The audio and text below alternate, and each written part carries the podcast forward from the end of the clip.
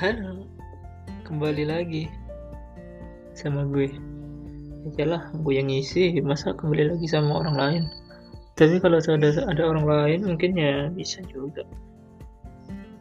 Ya jangan ngobrol gitu kan. Tapi di sini gue pure mau cerita sih.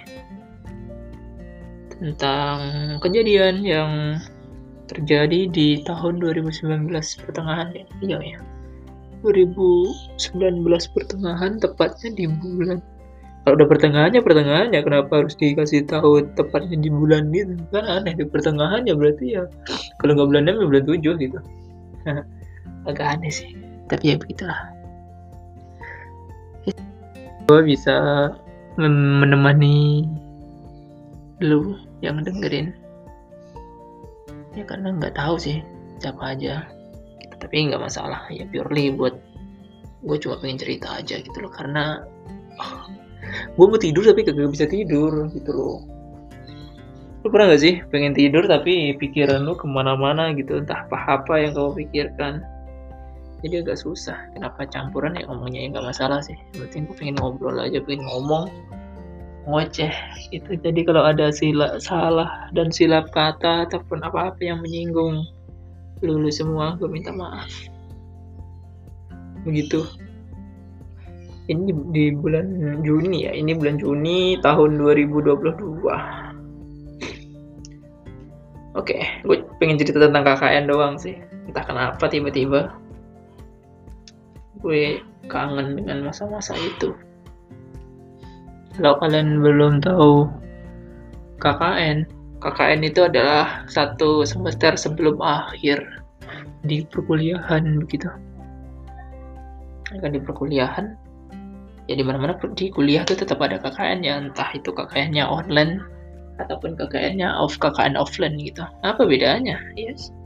Bedanya kalau offline ya kita di tempat yang mau kita tuju. Kalau offline ya ya kalau online ya udah.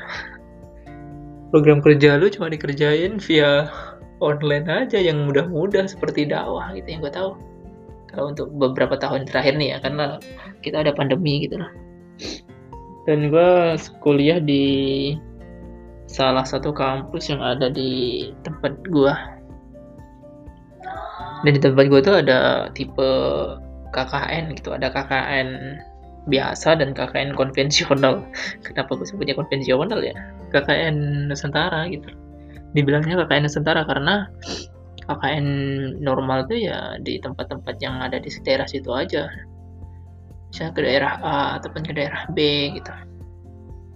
Cuma di situ aja gitu deket lah istilahnya sama lingkup kampus gitu loh yang gak deket-deket banget tapi yang masih dalam satu wilayah kabupaten ataupun kota gitu lah. Dan gue di pas zaman gue itu ada namanya istilah KKN Nusantara jadi gue pilih yang KKN Nusantara karena gue berkaca dari KKN yang tahun sebelumnya gitu loh. Tapi setahu gue KKN Nusantara tuh entah gue yang kurang nanya-nanya ataupun sedikit yang cuma orang yang kenal kebetulan ikut KKN Nusantara gitu. Kayaknya begitu dah. Gue sama yang sebelum gue itu KKN Nusantara dan setelah gue tuh nggak ada. Nah tapi yang agak kurang menyenangkan dari kabar yang gue dengar dari teman-teman yang tidak ikut KKN Nusantara adalah dalam biaya operasionalnya gitu loh. Jadi KKN Nusantara itu bayarnya agak sedikit lebih mahal. Misalnya kalau KKN biasa itu bayarnya 600, KKN Nusantara itu 900. Tapi curangnya KKN Nusantara make apa tuh pakai dana KKN biasa gitu loh bukan KKN dari pure dari KKN Nusantara itu yang dibilang oleh orang-orang yang KKN biasa. Dan gue juga nggak pernah meriset ataupun mencari tahu tentang kebenaran hal itu. Entah itu benar ataupun itu cuma omongan belaka ya gue nggak tahu sih. Ya kalau emang benar atau tidaknya yang gue nggak masalah gitu loh. Karena ya bukan kapasitas gue untuk membenarkan dan menyalahkan gitu loh. Ya kan udah ada pilihannya masing-masing gitu loh. Ataupun memang purely dibiayai dari kampusnya gitu loh gue dulu mikirnya gitu. Karena setelah gonjang-ganjing gitu setelah gue pulang gitu loh sebelumnya berangkat mah fan-fan aja karena ya nggak mudah gitu loh ikut KKN Nusantara tuh ada yang daftar berapa tuh ya? Ada 30-an atau 40 atau berapa gitu. Yang lulus yang lolos cuma 25 atau 20 gitu.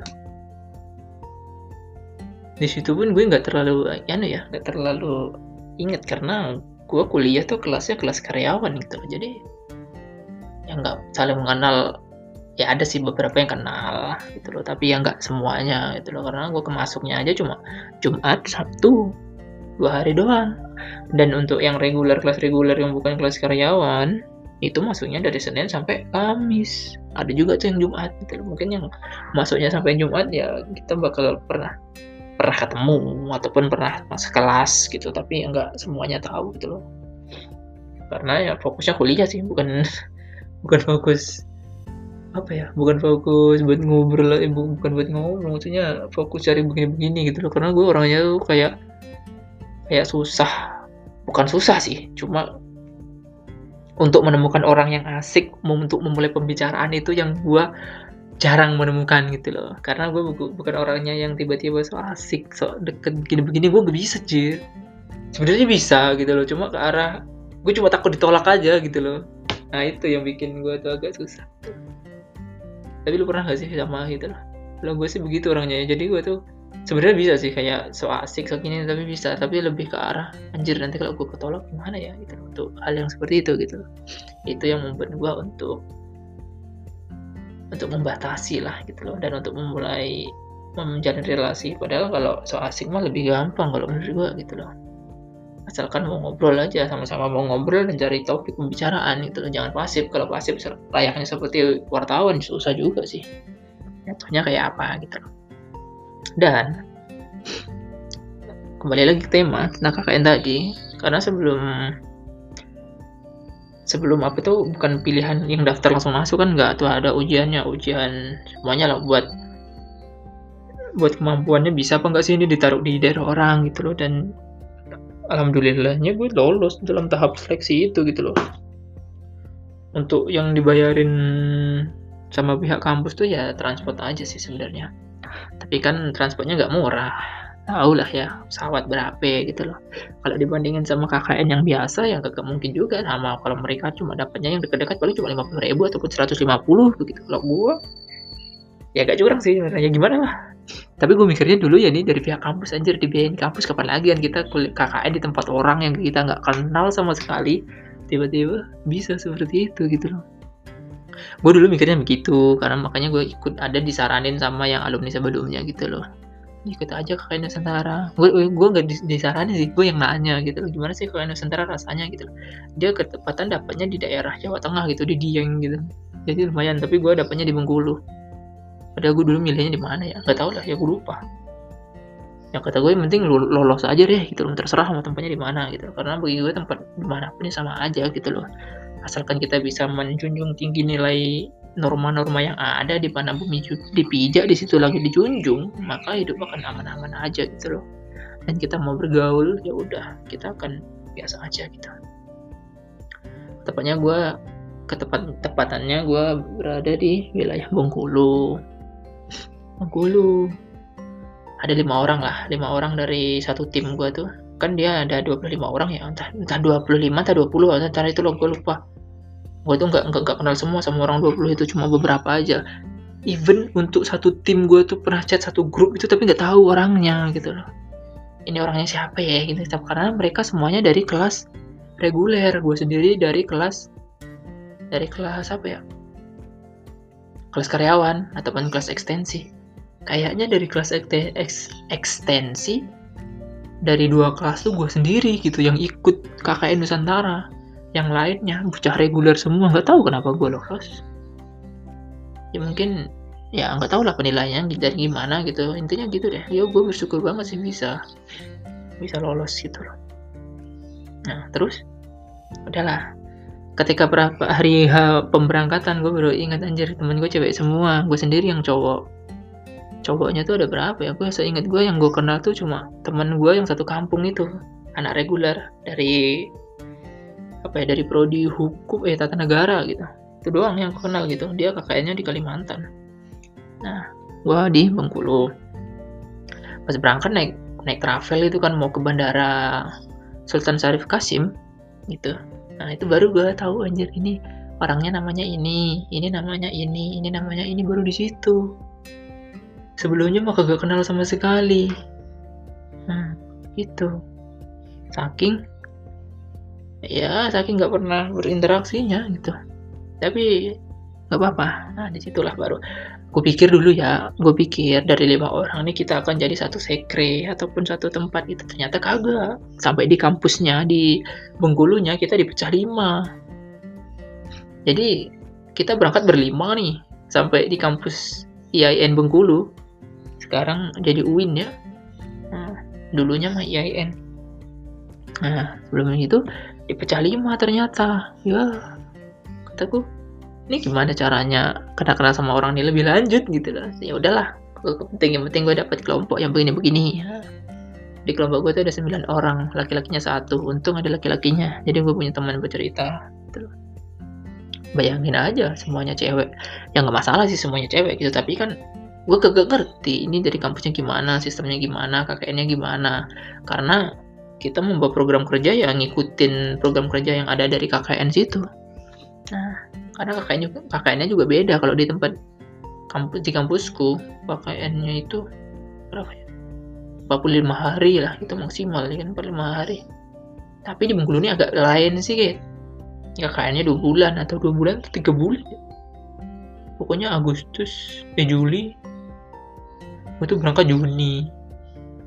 Juli kak Juli Agustus dua bulan berarti akhir September baru balik ku baru balik lagi ke kampus anjir. Lama banget ya kakaknya. Ya udah tapi nggak masalah sih bagi gue mau seberapa pun lamanya gue nggak masalah gitu. Ya bagus sih. Seru.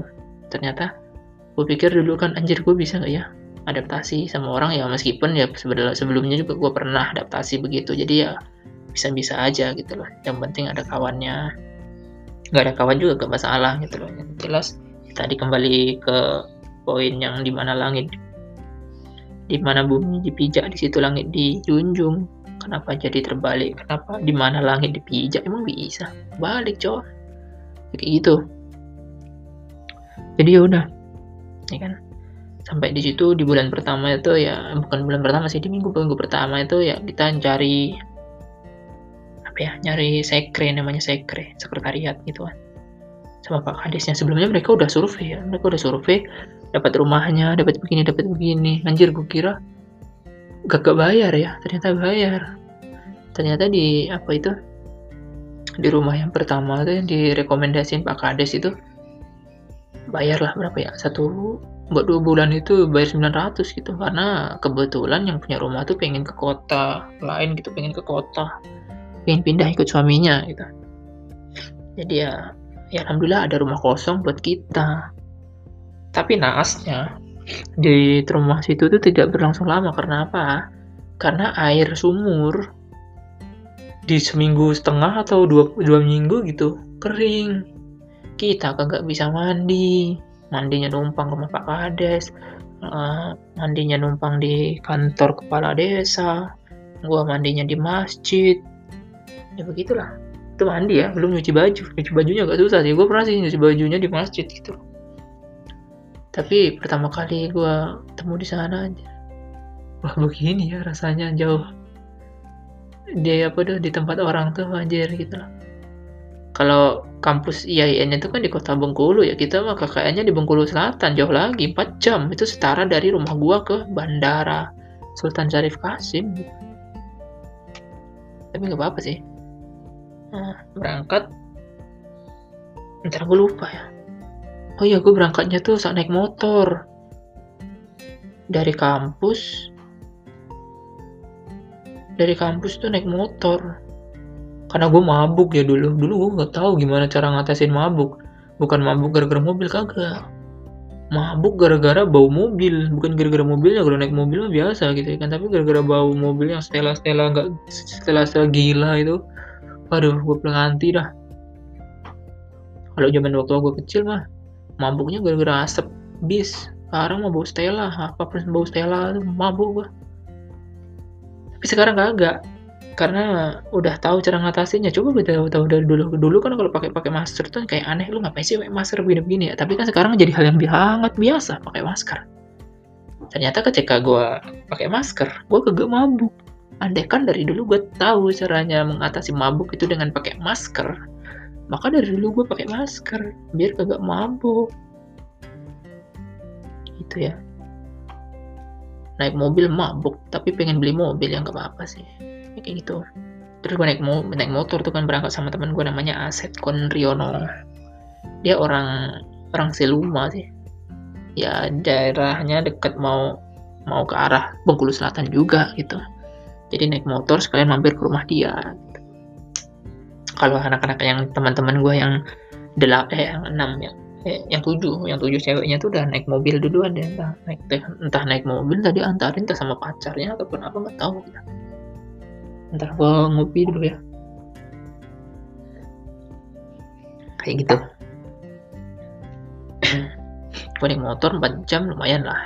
Lumayan lah di pantat sakit banget tapi sama sama sambil cerita cerita gitu kan cerita begitu. Itulah awalnya gue cerita sama orang yang nggak dikenal secara intens gitu ya di situ.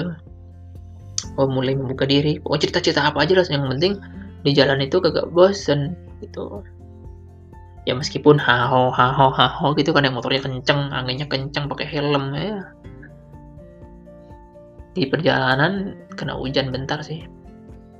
Kena hujan bentar adalah semua sekilo doang hujan beli beli mantel yang plastikan itu kan. Nah, hujan bentar beli apa beli mantel plastikan habis lewat segitu langsung apa langsung terang lagi lah panas atau bilang ini hujannya kenapa? Bipolar banget gitu loh. Tempat segini hujan pas ini kagak gitu. Loh. jadinya kayak terkesan lah.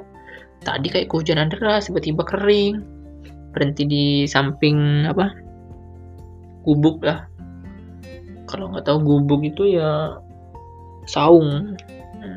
Di tepi sawah gitu kan berhenti di situ masukin lagi plastiknya di tas. Biar nggak kelihatan kayak orang kehujanan gitu ya. Padahal kehujanan sih basah celana. Celana doang sih karena mantelnya nggak sampai bawah cuma tiga perempat aja gitu. Jadi udah gas naik lagi gitu. Gue berapa gue sampainya tuh malam eh maghrib gitu. Langsung ke rumahnya pak kades. Untuk hari pertama pak rumahnya pak kades dulu numpang tidur di sana ya. Ada sih satu suku nah, cewek namanya Septi gitu ya kan. Suku Jawa juga dia yang lainnya kan suku Bengkulu. Bengkulu tuh suka apa ya? Gue kurang tahu sih sukunya apa. Pokoknya Bengkulu aja gue tahu Bengkulu gitu. Dibilang suku apa suku Melayu? Kayaknya suku Bengkulu dah pokoknya gitu. Tapi ada tuh satu teman dari cewek itu uh, apa?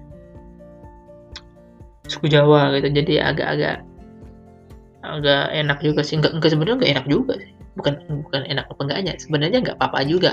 Sukunya apa aja gitu loh. Karena gitu kan masih punya bahasa Indonesia jadi gimana pun sukunya tetap kalau bisa bahasa Indonesia ya aman lah menurut gue gitu ya kan.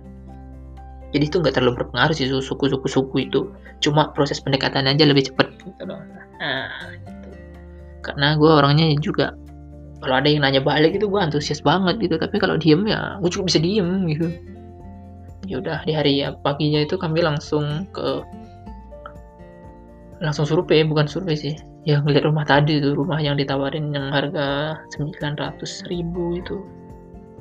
Untuk selanjutnya kan gak enak juga ya masa kita KKN numpangnya di rumah Pak Kades. Ya sebenarnya nggak apa-apa. Tapi kebetulan Pak Kadesnya merekomendasikan untuk di sana. Kami cuma mikirnya gak enak lah Pak Kadesnya punya ini punya anak punya ini punya begitu gitu kami pun ngerasa nggak nyaman karena kita sembilan orang. Kita pengen ngobrol secara intens dengan teman-teman yang ada gitu. Tapi kalau langsung disaksikan gitu kami kayak kalau kurang pede gitu. Alasannya itu. Padahal ya pengen bebas juga sih gitu loh. Pengen apa-apa ya mandiri aja gitu loh dengan program kerja yang apa yang akan kita jalani gitu. Jadi ya udah. Pindah angkat angkat angkat angkat terangkat angkat gue tidurnya di mana itu waktu itu ya? Waktu itu tidurnya di depan sama motor. Karena cuma satu kamar dan kamar itu diisi cewek-cewek juga gitu loh. Jadi kami sebagai cowok berdua nih yang alah aja lah. Yang penting kagak gigit nyamuk mesti nyamuknya banyak. Nah itu rumahnya nggak terlalu gede tapi yang nggak terlalu kecil juga. Ya cukup lah buat kita terhindar dari apa hujan dan panas gitu loh. Itu aja udah bersyukur banget ada rumah kosong. Kebetulan rumah kosong gitu loh ya itu tadi setelah satu hari dua hari tiga hari berjalan ya ada satu hari ya tapi kurangnya di situ. Nggak ada sanyo kita naik naik pulau kita ngambil airnya harus pakai timba gitu karena gue orang kampung dan sudah terbiasa. Jadi ya tugas gue cuma ngambilin air untuk orang-orang nyuci baju eh bukan nyuci baju untuk mandi untuk nyuci piring dan lain-lain gitu terus ya udah. Nah. Habis eh apa lagi ya? Anjir lupa. Habis itu mulai pendekatan dengan masyarakat masyarakat tapi terus ada apa ya namanya ya aku lupa. Kayak perkenalan sama apa tuh loh sama desa. Di sana tuh ada apa makanan tradisi itu namanya apa ya? Lupa aku dari kalau di Jawa tuh namanya madu mongso. Ketan. Dia dari ketan hitam. Aku lupa namanya apa gitu. Pokoknya enak banget dah. Pokoknya enak gitu. Wah enak. Meskipun gue familiar tapi ya enak gitu loh. Cuma namanya aja beda. Gue lupa namanya. Udah. Udah udah. Nggak mengingat-ingat itu lagi. Nggak nggak teringat. Cuma makannya pun nggak tiap hari kan jadinya lupa pas ada dalam acara-acara pasti ada ada makanan itu. Lupa aku namanya. Pernah sih di, dikenalin itu namanya ini gitu loh. Untuk gua sebagai pendatang yang baru di wilayah tersebut gitu loh. Karena yang lainnya kan dari Bengkulu mereka mah udah familiar banget dengan makanan itu gitu. Kalau yang di tempat teman gua itu di daerah Selumah itu kue yang jadi khasnya itu cucur namanya cucur ya meskipun di tempat gua ada gitu namanya juga cucur gitu. Tapi kue cucur itu jadi sebuah khas daerah tersebut itu udah dikenalkan sama penduduk desa ya gue kan agak-agak lama juga gitu loh mau buat kenal ke ke siapa? Buat mengingat orang yang cuma sekali temu gitu gue agak-agak nggak lama gitu loh. Nggak kayak orang-orang yang bisa cepet.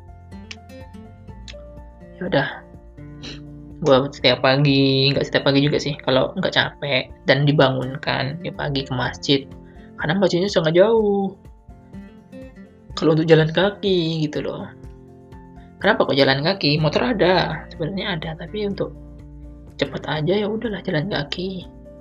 Setelah akhirnya habis di rumah itu kami ditawari lagi sama orang orang pemuda situ itu pindah aja ke depan gitu. Ada suatu suatu rumah gede banget. Rumahnya tingkat weh bukan tingkat sih. Rumah panggung tapi panggungnya ini tinggi. Setahu gue kan kalau di daerah gue rumah panggung tingginya mungkin satu meter ini dua meter setengah.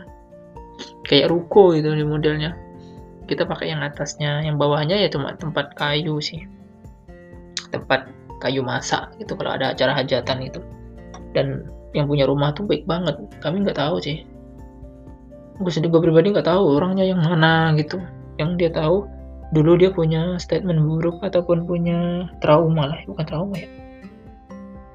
Punya track record yang buruk lah untuk anak-anak KKN gitu loh. Dia kayak nggak percaya begini-begini tapi setelah menguliahkan anaknya dia jadi tahu.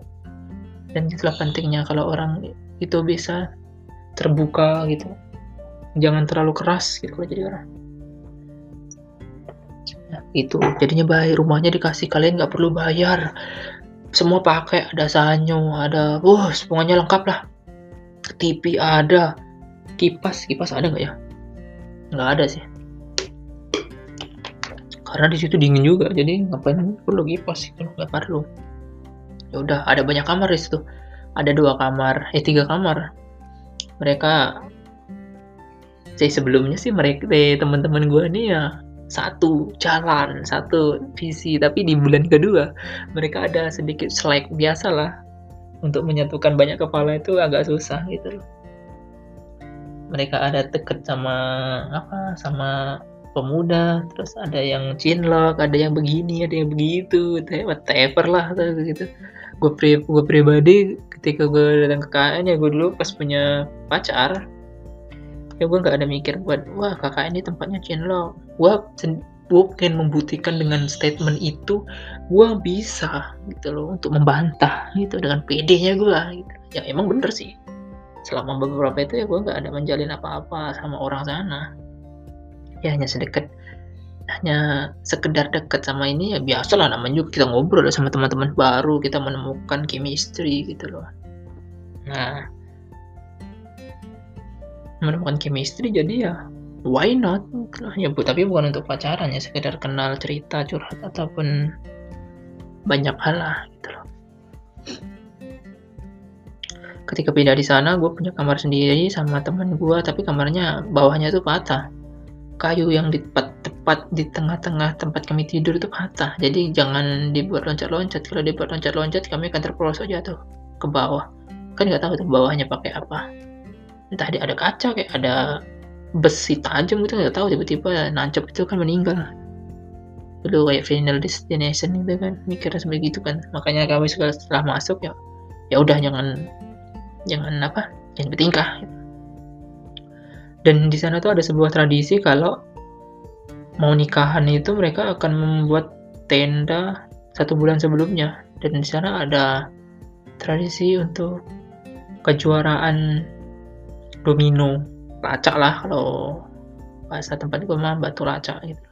Tapi di sana pakai kertas gitu. Dan itu menjadi sebuah tradisi kata gue keren sih untuk menyalurkan apa melestarikan kebudayaan desa. Ya udah pokoknya kerennya begitu. Dan kami biasanya ketika ada acara-acara gitu kan kami diundang gitu kami bantu-bantu sebagai pelayan kalau bahasa Jawanya itu Latin. Ya sama aja sih Latin sama pelayan itu sama cuma beda bahasa aja. Eh, jadi jadi jaga tamu gitu tahu ada istiadat di sana gitu. Wah keren juga gitu. Tapi yang gue heran kan gue heran ini tuh anjir ini acaranya masih lama tapi tiap malam di tempat yang mau bikin acara itu apa? Yang di tempat mau bikin acara tuh bikin acara mulu gitu loh kayak main begini main begini gitu. Ini akan habis berapa juta ya gitu. Gue mikirnya begitu. Kalau di tempat gue kan paling mentok seminggu sebelum acara. Itu pun buat nyelesain apa-apa yang perlu diselesain, diselesain kan bikin kue kayak bikin ini kayak berrapat ini gitu loh. Kalau di sana mah kagak ya malam tiap malamnya cuma untuk main batu laca seminggu sebelumnya sebelum acara ataupun tiga hari sebelumnya baru. Rame-rame ada acara ini dah ada acara ini aja ini aku lupa caranya apa. Pokoknya masih ingat aja tapi cuma lupa cara namanya apa gitu. Gue masih ingat semua caranya tuh. Tuh. Maklum udah lama. Hmm. terus di akhir-akhir kami per apa tuh KKN itu? Ya program kerja kami tuh kayak seperti ngajarin bocil-bocil ngaji. Ya kan? Bocilnya nggak terlalu banyak sih bikin acara 17 Agustus, bikin turnamen antar kecamatan atau antar eh? Ya antar kecamatan kayaknya. Eh antar provinsi, eh, bukan antar provinsi, ya antar kecamatan kayaknya. Pokoknya semua yang ada anak KKN-nya itu eh bukan yang ada anak KKN-nya berarti yang di kecamatan sekecamatan gitu ya pokoknya di kecamatan itu kita bikin acara turnamen mewakili desa. Eh turnamen bola sih yang umumnya tuh sama volley. Dan hanya dari mana? Ya kita ke cari proposal lah. Kita bikin proposal ke mana sini sini. Lumayan lah dapat buat tambah-tambah yang selainnya. Kalau udah hadiahnya kurang ya kami patungan. Begitu saja. Terus kalau untuk ini kenapa ya kamu bisa melakukan tiga menit di browser kamu ingin oh. Ya ini dibatasin. 30 menit doang. Kamu bisa merekam maksimum ya. Ceritanya akan terpotong di sini ya. Nanti gue lanjutin di part 2 aja lah. Gue kira lama aja coba gue kira lama. Ternyata harus direkam sendiri dan upload itu baru bisa. Ya kak update kemarin gue nyoba untuk cerita yang main game tuh ya nggak sampai segini juga sih nggak sampai lama gitu. Ya udahlah ya. Ceritanya masih banyak. Ternyata cerita yang sepele begini bisa habis dalam 30